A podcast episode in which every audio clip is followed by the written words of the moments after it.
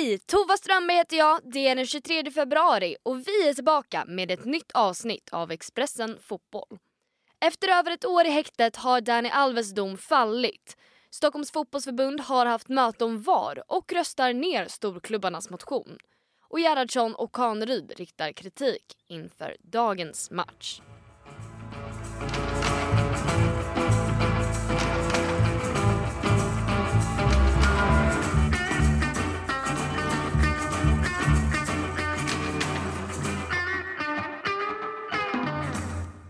VAR har länge varit en omdiskuterad fråga bland de svenska elitklubbarna. Och under torsdagen så genomförde Stockholms fotbollsförbund sitt årsmöte. Inför så hade AIK, Djurgården och Hammarby skickat in motioner som handlade om just videodomarsystemet. Vår reporter Linus Petersson var på plats och för att göra allt det här lite enklare för oss så får han förklara situationen. Majoriteten av de svenska elitklubbarna vill inte ha VAR i svensk fotboll. Det har varit känt sedan tidigare. Under torsdagskvällen hoppades AIK, Hammarby och Djurgården att även Stockholms fotbollsförbund skulle ta tydlig ställning i frågan. Alla tre klubbarna hade skickat in motioner till årsmötet där de ville att ett beslut skulle tas om att från och med nu jobba mot ett införande av VAR i svensk fotboll. De hade stora förhoppningar på att de här motionerna skulle röstas igenom, men så blev inte fallet. AIK, Hammarby och Djurgården fick inte med sig majoriteten av klubbarna som var på plats på årsmötet. Vi eh, ska vara tydliga med att det här inte innebär att Stockholms fotbollsförbund är för ett införande av VAR i svensk fotboll. De kommer bara inte jobba mot det. Det finns en tydlig skillnad att poängtera där. Eh, istället kommer Stockholms fotbollsförbund att invänta de utredningar som pågår och ta ställning i frågan den dagen det blir aktuellt för ett beslut. Och eh, när det kan bli är tidigast i höst då Svenska fotbollsförbundet håller repskapsmöte.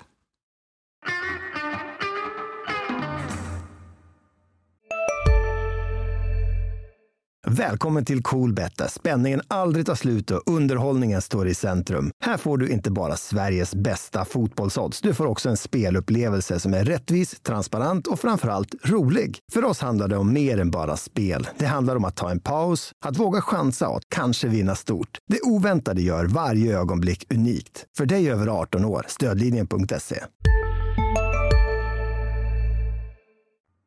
Men om vi tar oss över till någonting helt annat faktiskt. I eh, december 2022, strax efter VM i Qatar, så greps den brasilianske fotbollsstjärnan och före detta Barcelona-spelaren Dani Alves misstänkt för sexuella övergrepp mot en kvinna på en nattklubb.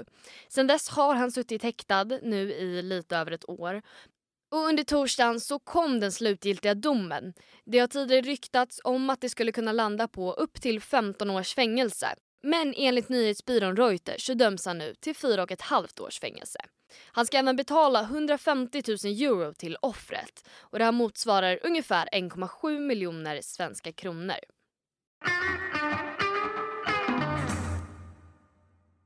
Det krävs ju en svensk seger i dubbelmötet mot Bosnien-Hercegovina för att hålla sig kvar i Nations Leagues A-division. Och i förmiddag är det ju faktiskt dags. Men det är ju just det som har fått många att reagera. Avsparkstiden klockan 13 på en fredag. Det här har ju bland annat kritiserats av svenska landslagsspelaren och Chelsea-anfallaren Johanna Rytting Kaneryd som sa till TT att vi har varit väldigt tydliga med att vi helst inte vill spela en sådan tid. Vi vill att alla ska ha möjlighet att se matchen.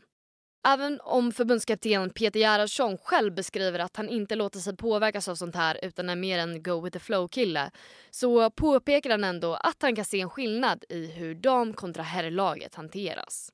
Man kan alltid prata damer och herrar och jag är inte säker på att en kvalmatch i Nations League på herrsidan hade sett ut på det här sättet. Det känns som att vi aldrig blir klara där sa Gerhardsson till TT. När han fick frågan efter förra veckans presskonferens om hur viktigt det är för laget att vinna de här matcherna, då hade han följande att säga.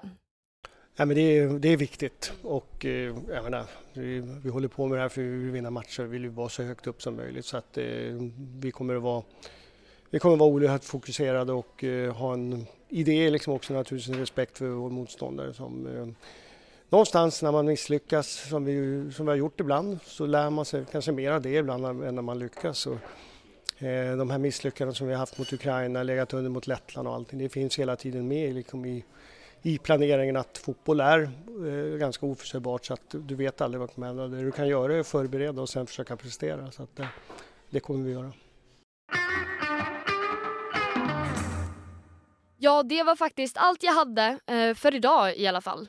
Jag hoppas att ni får en härlig fredag och så hörs vi snart igen.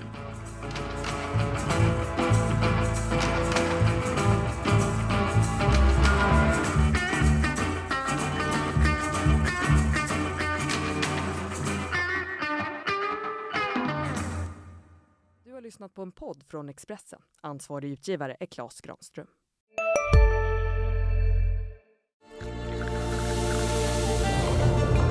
Välkommen till Maccafé på utvalda McDonalds restauranger med Baristakaffe till rimligt pris.